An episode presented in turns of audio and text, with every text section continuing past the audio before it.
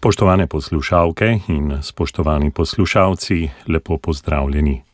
Na Kmetijsko-gozdarski zbornici Slovenije z zaskrbljenostjo spremljajo podražitve naftnih derivatov, ki imajo velik vpliv na podražitve vsega ostalega repromaterijala in tudi pridelave.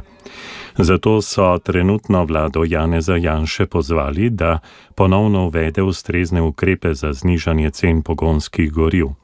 Enak poziv pa bodo naslovili tudi na prihodnjo vlado. Predlagajo pa tudi, da bi bili energenti, uporabljeni v kmetijski mehanizaciji, oproščeni trošarine. Najprej bi rad povedal, da smo v Kmetijsko-gozdarski zbornici kar z obžalovanjem sprejeli to, da je aktualna vlada ukinila deregulacijo cen naftnih energentov. Nafta in gorivo seveda je osnova za vse. Nafta, energija, naftni derivati seveda poganjajo kompletno gospodarstvo, ne. Tukaj se vse začne, tukaj seveda se tudi potem na vse vpliva.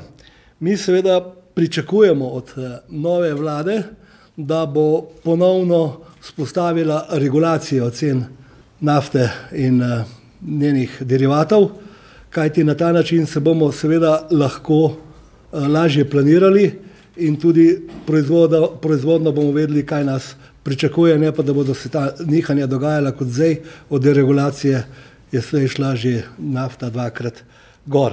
Pričakujemo tudi, da bi, to je že naša zahteva bila že dolgo, da bi bile trošarine za energente, ki se uporabljajo v kmetijski proizvodnji, oproščene.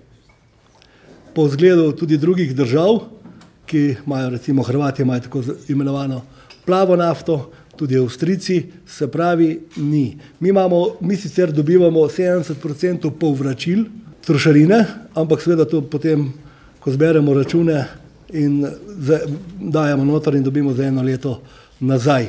Se pravi, financiramo v bistvu polno ceno in potem dobivamo to nazaj, kar je pa seveda v teh zaostrenih ekonomskih situacijah seveda neprimerno. Ni pa seveda samo nafta tista, ki nas teži, v kmetijstvu seveda gre v vhodnih stroških gre vse gor in odkupne cene kmetijskih proizvodov ne dosegajo teh podivjanih vhodnih cen. Samo za primer, mineralna gnojila dvesto petdeset procentov, fitofarmacija, krma ali krmne mešanice, predvsem to, kar se uporablja v perutnini, v prašičereji in seveda tudi v govedoreji, ampak sicer v manjšem obsegu, ne. Krma v perutnini je šla gor za sto procentov. Jajca so se dvignila od pet do deset procentov, nekje malo več. Samo za primerjavo, ne, za tista jajca, ki jih potrošnik da v trgovini evro in pol, kmet z vso embalažo, s surovino in z dostavo v trgovske police dobi tam od osemdeset centov do enega evra. Ampak tule moramo reči, v tej panogi so ta podivjana nesorazmerja, poudarjam, nesorazmerja med odkupnimi cenami in končnimi maloprodajnimi cenami še najnižja. Pod drugod je to seveda še vse veliko hujše. Izredno visok dvig stroškov je zdaj pri zelenjavi. Folija, mineralna gnojila, fitofarmacevtska sredstva, embalaža. Približno za šestdeset procentov so se stroški kmetom dvignili. In kolikor se ta razmerja v verigi med odkupno ceno, se pravi od njive do trgovske police, ne bodo uredila, mi bomo naslednje leto imeli veliko, veliko manj hektarjev posejanih z zelenjavo. Enostavno seveda ekonomska računica tega ne pokaže in kmetje tega ne bodo naredili. Zato je potrebno ta razmerja urediti in tukaj seveda mi kmetje, ki smo najšibkejši v tej verigi, pričakujemo pomoč vlade. Kajti sami seveda tega nismo sposobni si urediti in pomagati. Kajti do sedaj imamo približno takšen sistem, ne. trgovec stiska za vrat živilsko predelovalno industrijo, živilsko predelovalna industrija kmeta, kmet pa potem ali mu kaj ostane ali nič, v glavnem nič. In uh, v situaciji, ki jo imamo, vojni v Ukrajini, ob uh, agresiji Ruske federacije na Ukrajino in ob uh, spoznanjih, če smo jih zdaj poslušali, koliko ljudi na svetu je lačno, moramo seveda te stvari urediti in jih uh, nekje uskladiti, in se ta razmerja morajo porihtati. Ne. Visoka letna stopnja inflacije postaja resna težava tudi v kmetijski pridelavi. K letni inflaciji so največ prispevale više cene naftnih derivatov, Tekoča goriva so se podražila za 35,9 odstotka, ter goriva in maziva za 29,6 odstotka. In čeprav so bile cene kmetijskih pridelkov pri pridelovalcih v februarju 2022 povprečno za 19,2 odstotka više kot pred enim letom, ta rast še vedno zaostaja za dvigom cen vhodnih stroškov v enakem obdobju. Cene so bile v februarju 2022 povprečno za 20,1 odstotka više kot pred letom dni. Najbolj so se zvišale cene gnojil, dva in polkrat više so kot pred letom dni, ter cene energije in maziv za 22,4 odstotka. Primerjava navedenih indeksov rasti odkupnih cen in cen vhodnih stroškov v kmetijski pridelavi kaže, pravijo na kmetijsko-gozdarski zbornici, da se razmere v kmetijstvu še kar naprej slabšajo v breme kmetov. Roman Žveglič ob tem opozarja.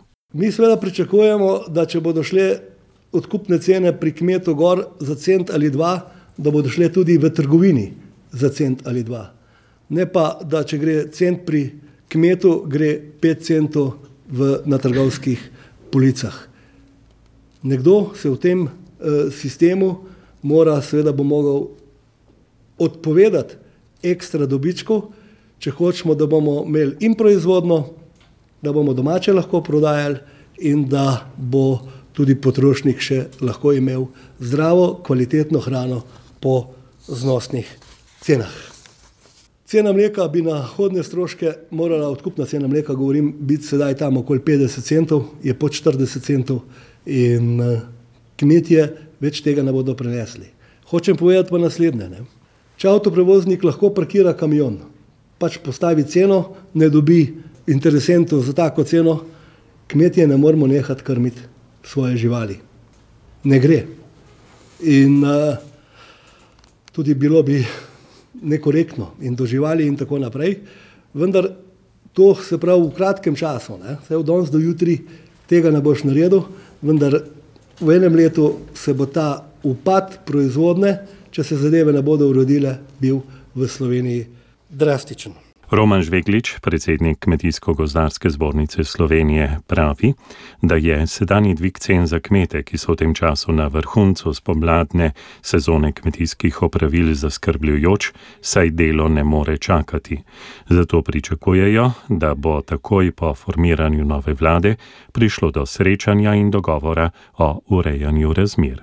Da nam kot najšipkejšem členu v tej verigi eh, pomaga z mehkimi in tudi malo bolj trdimi prijemi vzpostaviti to verigo.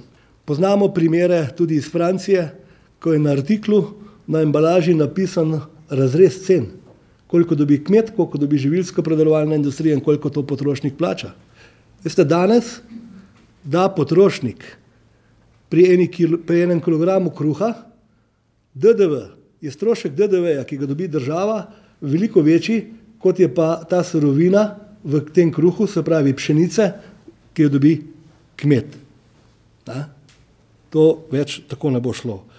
In zato se pravi, bo ta ključna zadeva in ta, te ključne razmere, če hočemo, da se bo kmetijstvo obdržalo, če si želimo, da imamo ne samo uh, prehransko varnost, kajti prehransko varnost lahko dobimo tudi z uvozom iz tujine, vendar tudi ta ne bo poceni, razen tistih, bom rekel, artiklov, ki so tam nekje že pred rokom ali pa so ciljno in po dampiških cenah pridejo v Sloveniji, se pravi, moramo te stvari urediti. Mi kmetje si seveda želimo, da nam se omogoči to, kar znamo in kar radi delamo.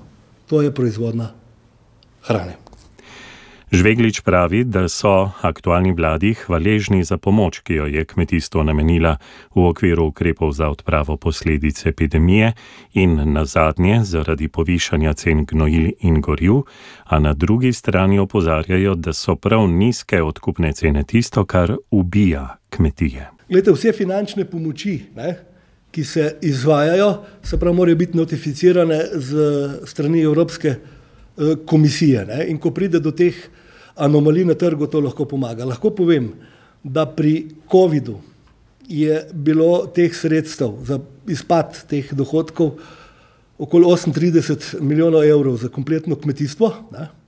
Eh, pri, potem smo seveda bili pa še deležni te enkratne pomoči, za katero moram reči, da se zahvaljujemo vladi, pri eh, dvigu ceno energentov in mineralnih gnojil, tukaj je bilo pa še dodatnih eh, dobrih 30 milijonov. Vendar samo za primerjavo. Na letni ravni med odkupno ceno mleka in povprečno odkupno ceno mleka v Evropski uniji, govorimo še vedno o povprečni odkupni ceni, mi smo pri mleku na spodnjem repu, eh, čisto spodaj, eh, pri odkupni ceni, pred to zadnjo podržitvijo je bila za nami samo uh, Romunija in Portugalska. Ne. Tudi Romunija se je potem dvignila. Slovenski kmetje na letni ravni izgubijo okoli 20 milijonov. Se pravi, 5000 kmetij, ki oddaja mleko, na letni ravni 20 milijonov, ki bi ga seveda lahko dali v investicije in v razvoj svojih kmetij, pa ne na zadnje tudi v boljše poslovanje. Ne.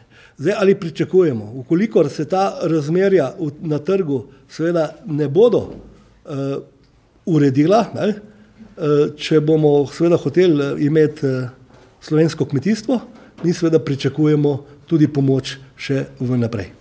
Ne na zadnje bomo tudi zahtevali, kajti ta padec ali pa bom rekel te nizke odkupne cene ne, se enostavno ne morejo in kmeti jih tudi nismo pripravljeni in niti jih več ne bomo hoteli prevaliti na lasten hrbet. To je zdaj recimo primer pri zelenjavi, sem vam prej najbolj, najbolj povedal. Pri zelenjavi imamo še ta problem, ne, da imamo uvoz izredno nekorektne robe, tiste, ki se na teh velikih tržnicah po tujini prodaja, potem tisto, kar se dva dni ni prodali in se potem tretji dan prodaja in ta cena seveda nizko pade. Vedeti moramo, da so slovenski kmetje tukaj da so slovenskim kmetom konkurenca španski, italijanski kmetje, na katerih delajo migranti, prebežniki za par evrov na dan v bistvu v sužnji lasniškem odnosu. V Sloveniji tega ni. Tudi pri zelenjavi so sedaj le kmetje podvrženi izredno, izrednem problemu. Sploh ne dobijo delovne sile. Za tujo delovno silo, seveda, ki jo želijo, je pa seveda tudi en kup enih administrativnih ovir. Tako da stvari res niso rožnate. Potrošniki so ob vseh teh informacijah zaskrbljeni, kolikšen bo potem dejanski dvig cen hrane na trgovskih policah.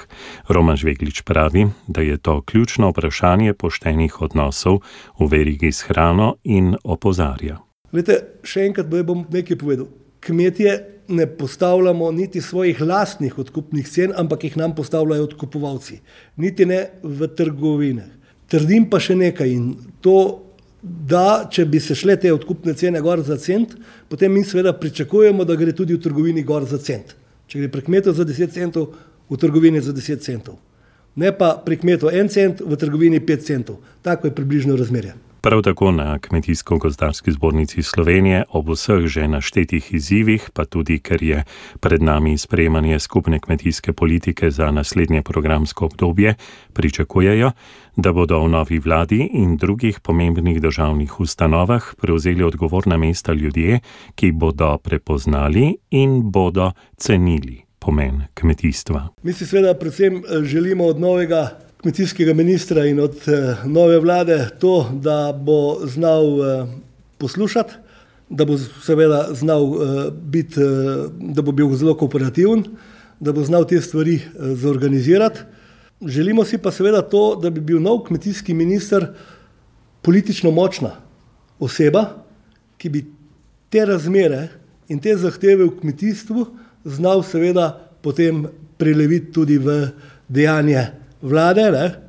tako kot bi rekli, da bo beseda meso postala. In kdaj na Kmetijsko-gozdarski zbornici Slovenije pričakujejo, da se bodo srečali z novo vlado? Par dni po zaprisegi. Smo le največja vladna kmetijska organizacija, ki zastopamo vse panoge eh, v kmetijstvu, vse sloje kmetijstva in uh, tukaj mislim, da ne bo problem, da se nova vlada ne bi za tako veliko nevladno, bomo rekel, civilno družbeno organizacijo ne bi imela interesa pogovarjati. To je bil zgoščen pogled na tematike, ki jih je na srečanju z novinarji minuli petek obravnaval predsednik Kmetijsko-gozdarske zbornice Slovenije Roman Žveglič.